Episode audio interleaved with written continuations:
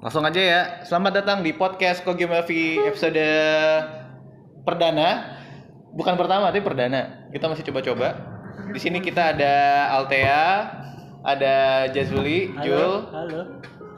ada Ferry, Hai. ada Riandi, ada kopi baru datang juga. Ada Mas Agus. Thank you Mas Agus. Itu mas apa ada biaya tambahan Oh, Oh, 3000 3000 ribu. tambahan 3000. Aku ada. Ya, Balik lagi. Baik lagi. Jadi kita biarin aja ngalir kayak gini. eh, semoga kamu nggak bosen. Eh, ya, elah cuma beberapa detik doang distraksi. Ambil aja rotinya, silakan. Gak perlu kita sambil ngobrol ya. Mumpung ada semua di sini juga ada dia, belum dikenalin. Didi. Didi, Audio aja. audio semua. Em, kita hari ini masih coba-coba, eh, eh bukan coba-coba, apa namanya uji coba. Nah hari ini kita bikin video buat contoh eh, gerakan ke Geomevi. Nah sini kita ada foundernya, ada yang memulai ini semua, yang BM, Project BM. Project BM, Mas Ferry. Sebenarnya kita mulai dari pertanyaan yang basic aja dulu lah. Emang kok Geomevi itu ngapain sih, Mas Ferry?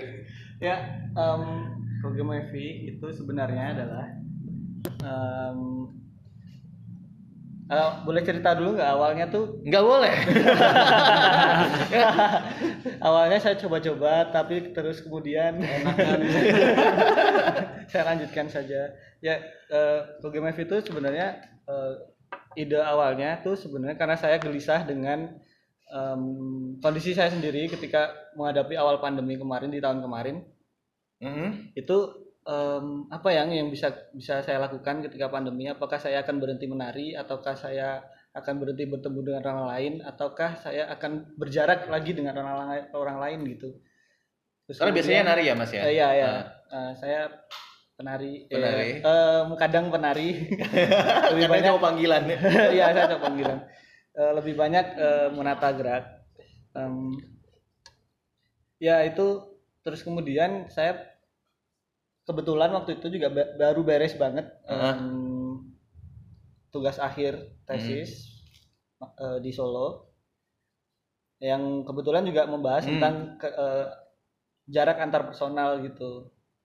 Nah, terus di kepala saya bertanya ada pertanyaan kayak em, oke kalau emang jarak orang ini kemudian tiba-tiba dipisah dan orang-orang nggak boleh ketemu, ada cara nggak ya supaya orang kita tuh tetap bisa ketemu minimal aku dengan orang lain dengan Hmm. orang-orang yang ada di Hmm. sekitarku, orang-orang yang dekat denganku secara emosional ataupun Hmm. orang-orang baru gitu. Hmm. Jadi dari situ saya- aku berpikir kayak kayaknya seru nih bikin sesuatu. Terus kemudian aku mencoba recall tentang em, beberapa em, apa ya percobaan-percobaanku yang lain. Seneng ya Karena saya- coba-coba. Itu adalah tempat saya untuk mencoba-coba. Heeh.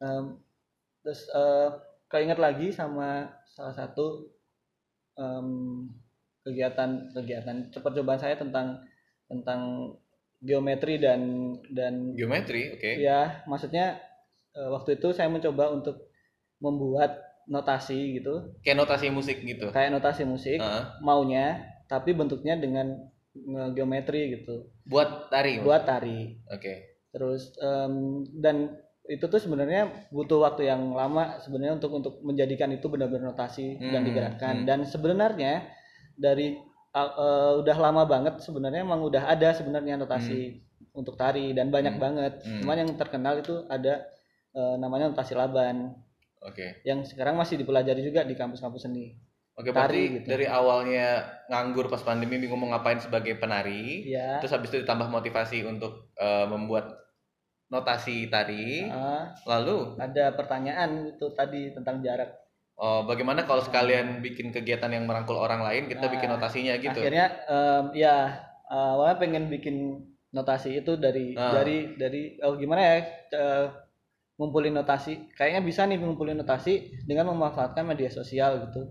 Orang-orang bisa eh, mungkin bisa saja ngumpul apa eh, saya ambil bukan saya ambil em, apa namanya saya collecting gitu saya kumpulkan eh, bentuk-bentuk pose Aha, aha. terus kemudian bisa dicari bentuknya di geometri Oh, saya bi- aku bisa bilang kalau ini kan kayak sampling data ya Yes, gitu ya, kalau di ya. sains ya. ya kalau di sains gitu Nah, namanya juga percobaan kan untuk dicari polanya sehingga bisa Iya. dinotasikan gitu. Iya, Nah, iya awalnya begitu.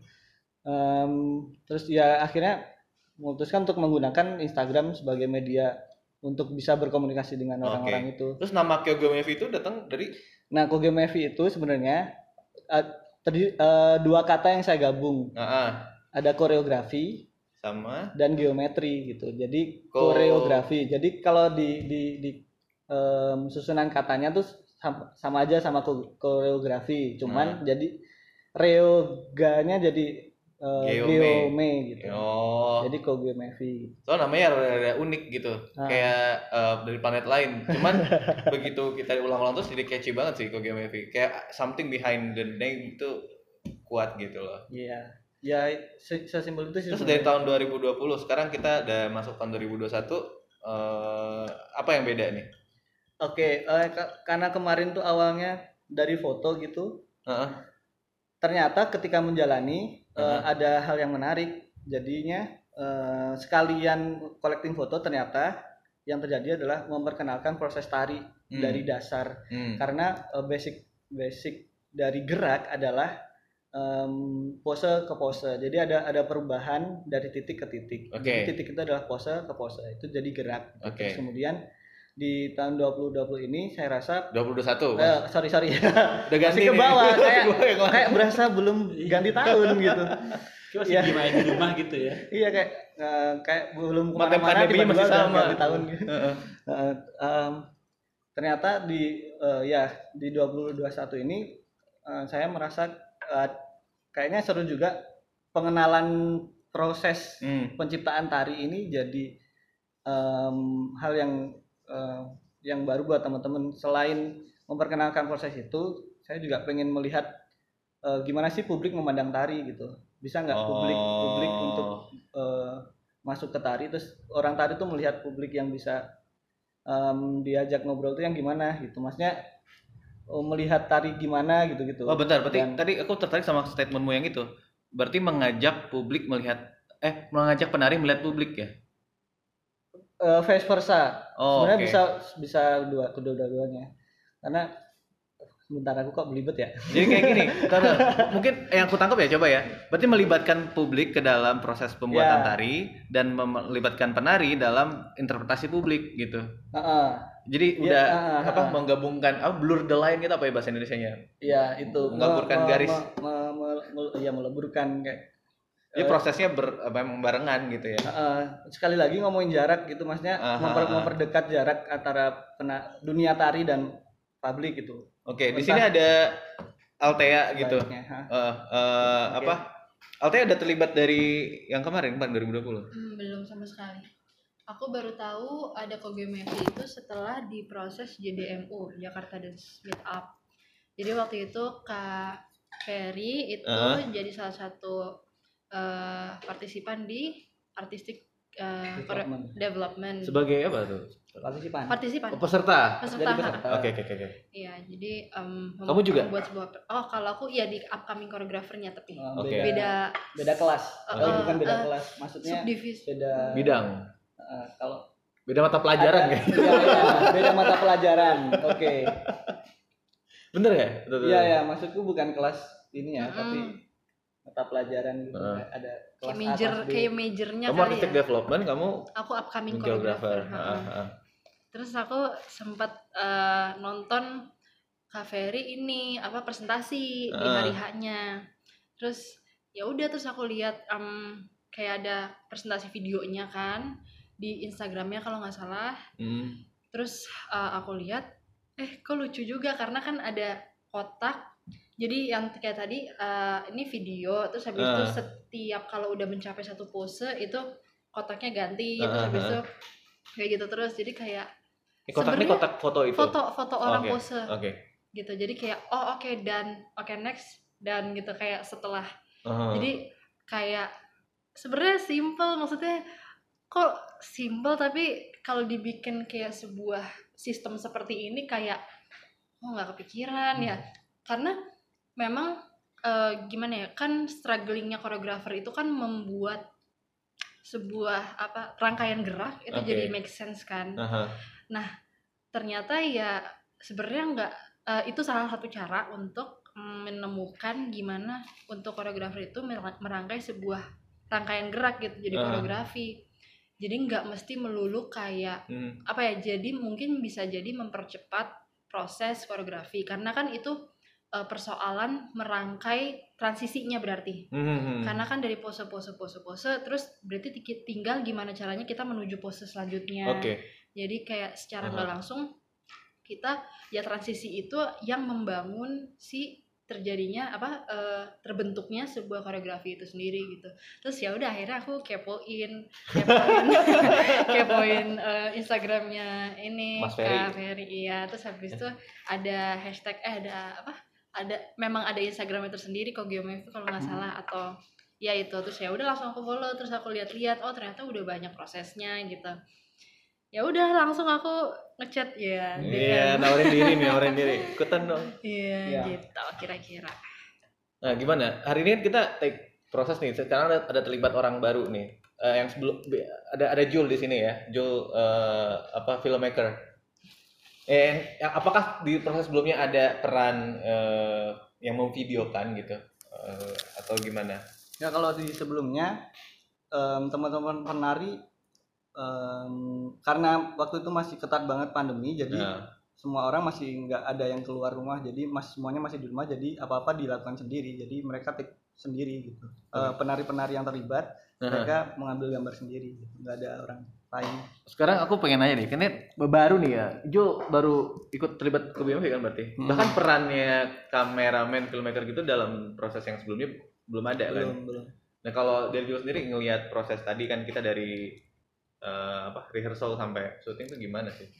ya sebenarnya apa gue juga eh, suka sih sebenarnya sama sama Ferry sama Malte ya? sama sama gerakan gitu gerakan. Oh, oke oke. sama gerakan gitu cuman uh, gue nggak tahu uh, secara uh, gerakannya itu maksudnya apa segala macam Mhm. tapi uh, itu kan uh, secara visual tuh uh, bagus gitu dan bisa di bisa dimacem-macemin gitu untuk misalnya kayak ada uh, film dance gitu Hmm. kan yang pernah lu uh, produksi segala macam nah pas sekarang tadi lumayan seru sih walaupun uh, sederhana gitu dari gerakan sehari-hari ya mas ya Mm-mm.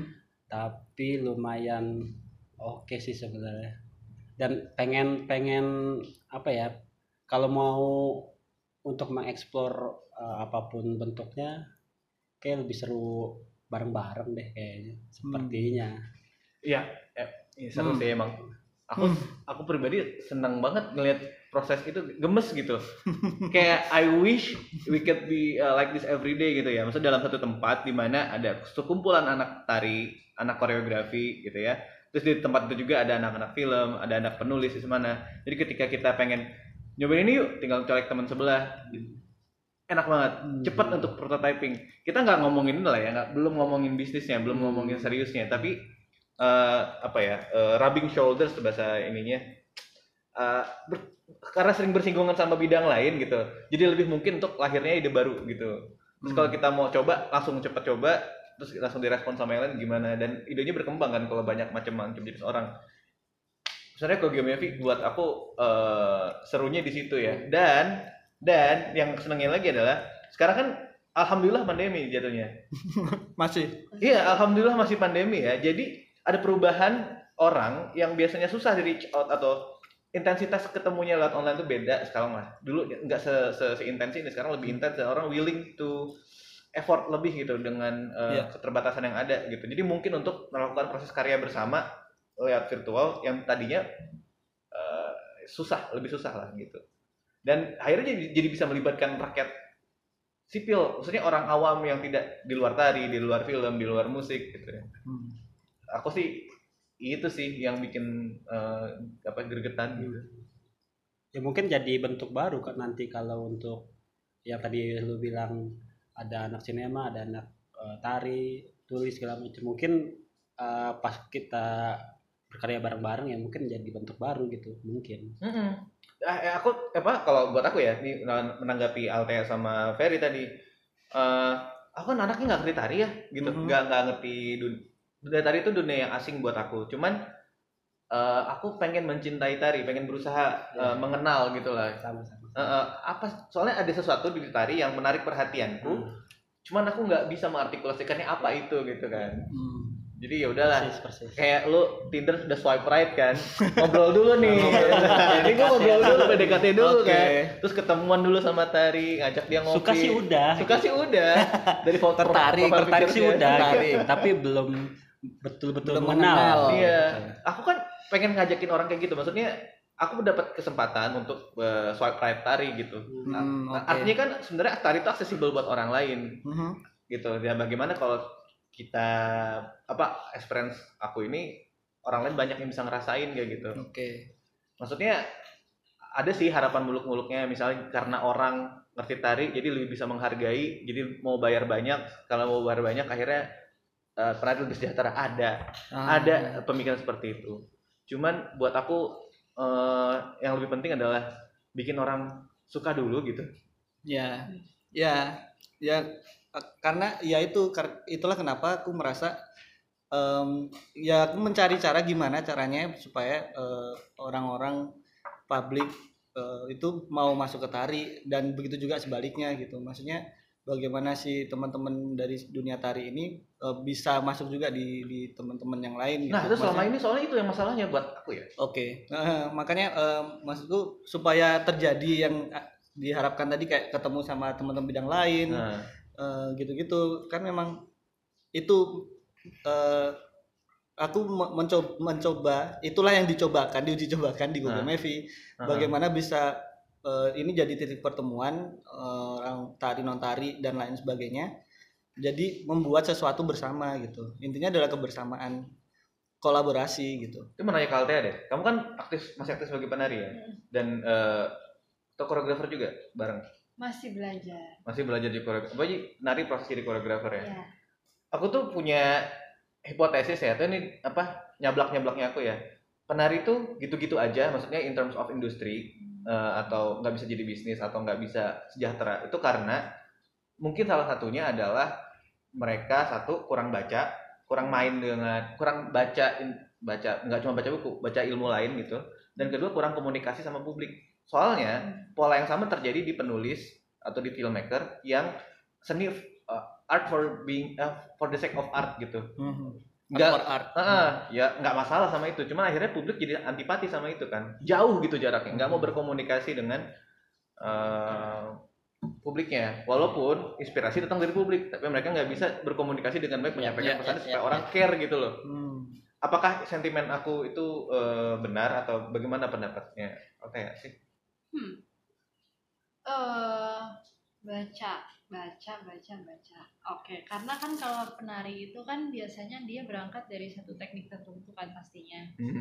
Jadi em, dan kebanyakan menurut aku juga banyak yang kalau misalnya nggak apa yang nggak mau curious gitu Hmm. ya udah dia nerima eh, sementah-mentahnya dari coachnya gitu Hmm. kan Em, dari teknik cara berkoreografi dan Hmm. lain-lain cuman em, bahkan referensi pun itu juga kalau dia mau apa ya kalau dia mau explore sendiri gitu karena Hmm. nggak setiap hari coach itu ngasih referensi karena Hmm. kan coach kan maksudnya kayak guru tari itu kan em, secara nggak langsung dia udah mematokkan eh, karakternya dia Hmm. dalam berkoreografi gitu Hmm. jadi dia sendiri udah menyaring menurut aku udah menyaring kayak referensi-referensi Hmm. yang cocok di dia gitu Hmm. nah jadi memang eh, sebenarnya yang harus effort lebih tuh si penarinya itu sendiri gitu untuk cari referensi lebih luas jadi Hmm. juga bisa itu kalau di dunia tari ya maksudnya berkomunikasi dengan dunia tari lainnya gitu Hmm. yang nggak cuman dibelajar dari guru tarinya doang gitu